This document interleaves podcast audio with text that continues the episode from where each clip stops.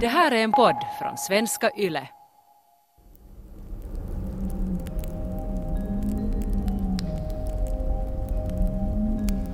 En tonårsflicka hittas mördad och nedgrävd i naturen. Hon är naken med det blonda håret som en gloria runt huvudet. Plötsligt krälar en orm ut genom hennes mun. Den har legat på lur inne i hennes späda kropp. I byns kyrka talar folk i tungor. Och när barnen trilskas så stängs de in i mörka rum för att vara avskärmade från allt. Även från Gud. Den kvinnliga polisen Hedda vet inte vad hon ska ta sig till och hennes nya manliga kollega verkar inte må riktigt bra mentalt. Kort sagt, den norska serien Monster är ett jättebra exempel på element som ofta förekommer i den genre vi kallar Nordic noir. Karg natur, poliser som mår illa, unga kvinnor som dör, religiösa inslag som skrämmer och en mörk stämning som man har svårt att skaka av sig efteråt.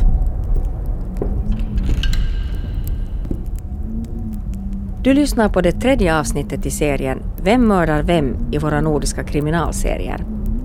Den här gången handlar det om den lidande kvinnan och andra klichéer. Mitt namn är Silja Salgren Fordstad. En sak som jag har reagerat på den senaste tiden är att man i serievärlden hela tiden verkar dra brutaliteten ett steg längre. Norska monster kör med ganska extrema rituella drag. Och när det gäller svenska Springfloden så inleds den med att en gravid kvinna dränks. Och inhemska Sorjonen börjar med bilden av ett mördat barn vars ögon, öron och läppar har sytts ihop enligt tanken See no evil, hear no evil, speak no evil. Och ändå fortsätter vi att titta på det här. För att gå närmare in på vår tids fascination för ondska och olika offerperspektiv har jag stämt träff med religionsvetaren Sofia Sjö. Hon skrev sin doktorsavhandling om frälsarmyter i science fiction-filmer som till exempel Alien och The Matrix. Men hon har också intresserat sig för Nordic noir.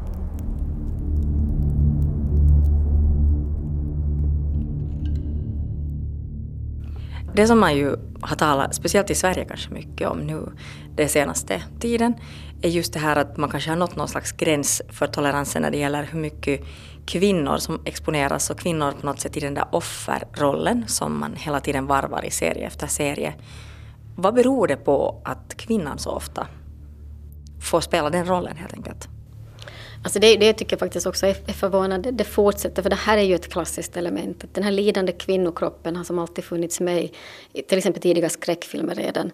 Alltså, och det fortsätter. På något sätt så säger det ju också om vår kultur och hur vi vad den kvinnliga kroppen tillåts symbolisera, hur vi använder det, hur det blir liksom ett objekt som både förskönas men också man drabbar, liksom utsätter det för det här plåga och lidande. Så det, det fångar säkert in vissa element. Och vad det riktigt beror på tycker jag det är svårt att säga. Men att, att det verkar fungera å andra sidan. Det kommer, återkommer hela tiden. Uh, sen, kan man också, sen har vi också förstås att, att, som du var inne på, det blir mörkare och mörkare och svårare och svårare. Då har ju barnet, då har barnet också kommit in som ett, ett element, också barnet som lider, som kanske då drar det ytterligare ett steg. Men det, definitivt så finns det en genusaspekt här. Det är inte riktigt lika. No, vad skulle du säga att den kvinnliga kroppen då alltså symboliserar i det här sammanhanget? Vad är det som den på något sätt kanaliserar? Det finns ju förstås en utsatthet här också, men jag tycker det är fascinerande också med att vi samtidigt har de starka kvinnorna. Så det, det finns ju det som finns idag som kanske inte fanns tidigare, det finns en större variation av kvinnliga kroppar och kvinnliga karaktärer överlag i de här berättelserna. Så det är ju liksom inte, det är ju inte den klassiska berättelsen med den döda kvinnan och sen den männen som kommer och löser upp situationen, utan det finns en större variation. Men det här är en aspekt som ändå lever kvar på något sätt. Att någon aspekt av utsatthet, någon aspekt, någon aspekt också av, av maktrelationen som kommer fram.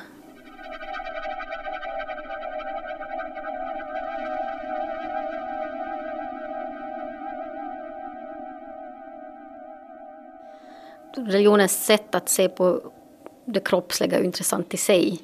Och det finns element, element där också. Men jag vet inte just. den exponerade kvinnokroppen, men den nakna kroppen är ju förstås någonting som blir extra tabu. Och som att när man då för fram det och kombinerar den med våld. Men det handlar ju också om en kulturell aspekt. Det är klart vi kan se det också koppla också till en religiös referensram. Men det behöver inte bara handla om det.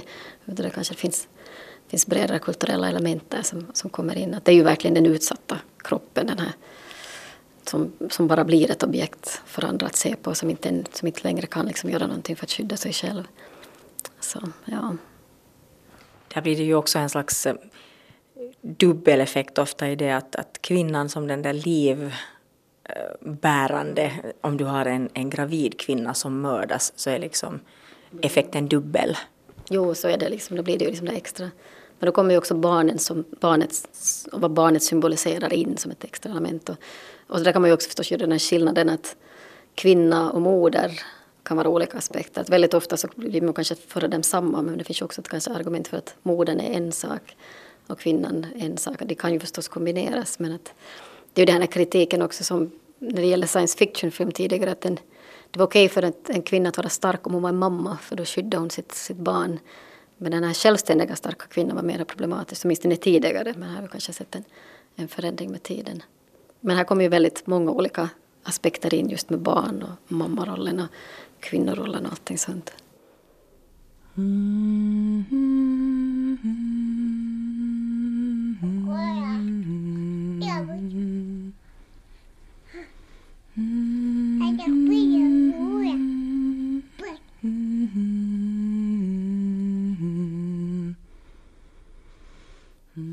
Om vi tittar på den här förövaren så där har man kanske också ibland en känsla av att det nu allt mera blir så att förövaren också ser sig som ett offer.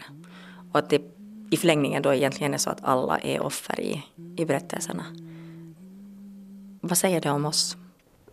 Det är en bra fråga. Alltså jag tycker det är rent narrativt mässigt så, så det är ju någonting som fungerar med den offertematiken.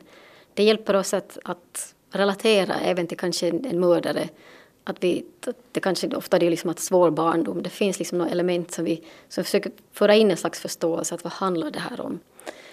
Men vad säger det om oss? Svåra frågor.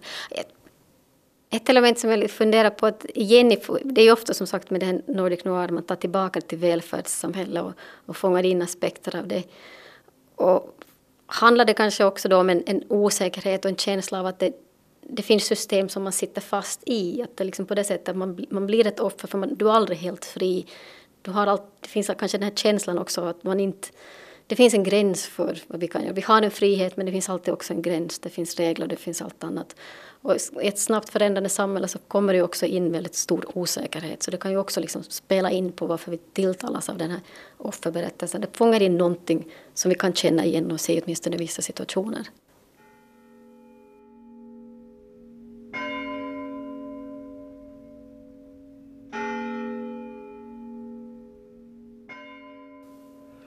När det gäller Nordic Noir så finns det ju flera sådana aspekter som automatiskt tangerar det här med gott och ont och synd och skam och så vidare, eller hur?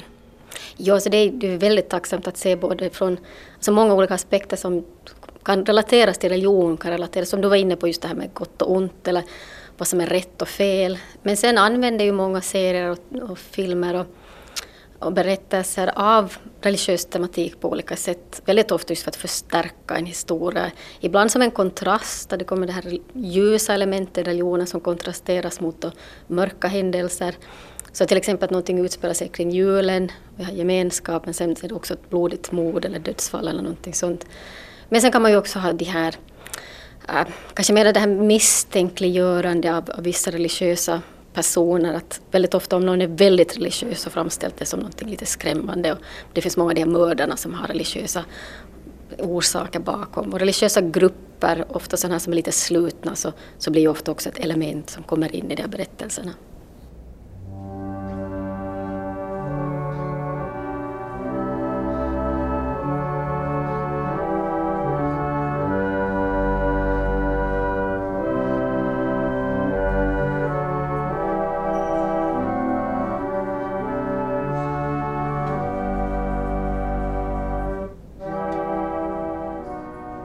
En av orsakerna till att det är viktigt att studera religion och populärkultur är att, att många idag vi får vår bild och vår förståelse av religion genom media och populärkultur. Man har kanske inte den här personliga kontakten. Och det gör ju kanske också att de här mer exotiska elementen lyfts fram och det är det man kan spela på. Och just, man pratar ju om medialogiken eller sådana funktionen av religion till exempel i film blir då att, att det, det ska ju ha en funktion och just i den här genren så handlar det ju ofta om att de här spänningselementen, de mystiska elementen, det är liksom visst obehag som, som behövs för att det ska ha en betydelse. Och det gäller förstås inte bara om vi tar in religion utan det gäller också andra element som kommer in. Att det, det blir ofta den här mörkare sidan av det som, som kommer in. Att det som skulle kunna vara någonting ljust i en annan film blir på grund av genren också vänt till någonting mörkt för det är det, liksom, det som klassar liksom typiska för den här genren. Nu har du ju skrivit, när du skrev din doktorsavhandling så skrev du om de här frälsarmyterna i samband med science fiction-filmer. Eh, men när man tittar nu på de här Nordic Noir-serierna så har man känslan av att det är inte så jättemycket frälsning överhuvudtaget. Alltså det, det finns inte det elementet alls. Va, vad tror du att det säger om, om vår tid, eller säger det något om den? Det kanske det nog gör. Eh, det går kanske lite vågor förstås det här med frälsartematiken. Att ibland har det kommit väldigt mycket sånt, inte just i, i deckare men, eh, men det är kanske också lite det här nordiska. Jag kan tänka mig amerikanska deckare. Där har vi mer den här, den här polisen som kan rädda situationen. Och det är ju lite ovanligare i nordiska sammanhang. Även om man lyckas lösa fallet så framställs man inte liksom som den stora frälsarkaraktären. Det är inte som det ska hålla i de här berättelserna utan det handlar mer om, om samhällets undersida och de här problemen. Och det finns ingen lösning på det. Det finns inga enkla sätt att komma in och bara ta livet av alla onda människor. Det är inte det som är lösningen.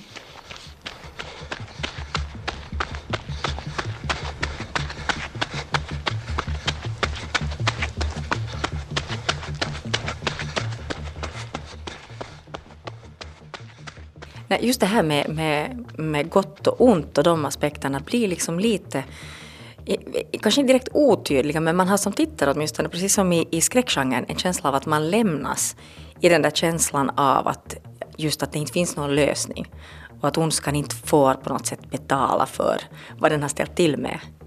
Ja, det stämmer säkert. Och det är ju som jag tycker det här är ju en del av genren. Att vissa genrer handlar ju faktiskt om att skapa känslor av skräck och obehag. Det är lite det, det är därför vi ser på det kanske också, för att få det här. Vi är inte ute efter det katarsiska kanske, att man alltid kommer igen. Det finns andra filmer och genrer som sköter det. Men Nordic Noir så handlar det kanske mer om att få, att skapa och lyfta upp de där känslorna. Det är det som lite lockar.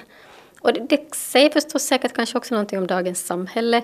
Om en osäkerhet som också finns i en välfärdsstat. Att det, hur ska det gå? Vart är vi på väg? Det är jättesnabba förändringar och det kanske fångar in en del av de ångestkänslorna också, de här berättelserna.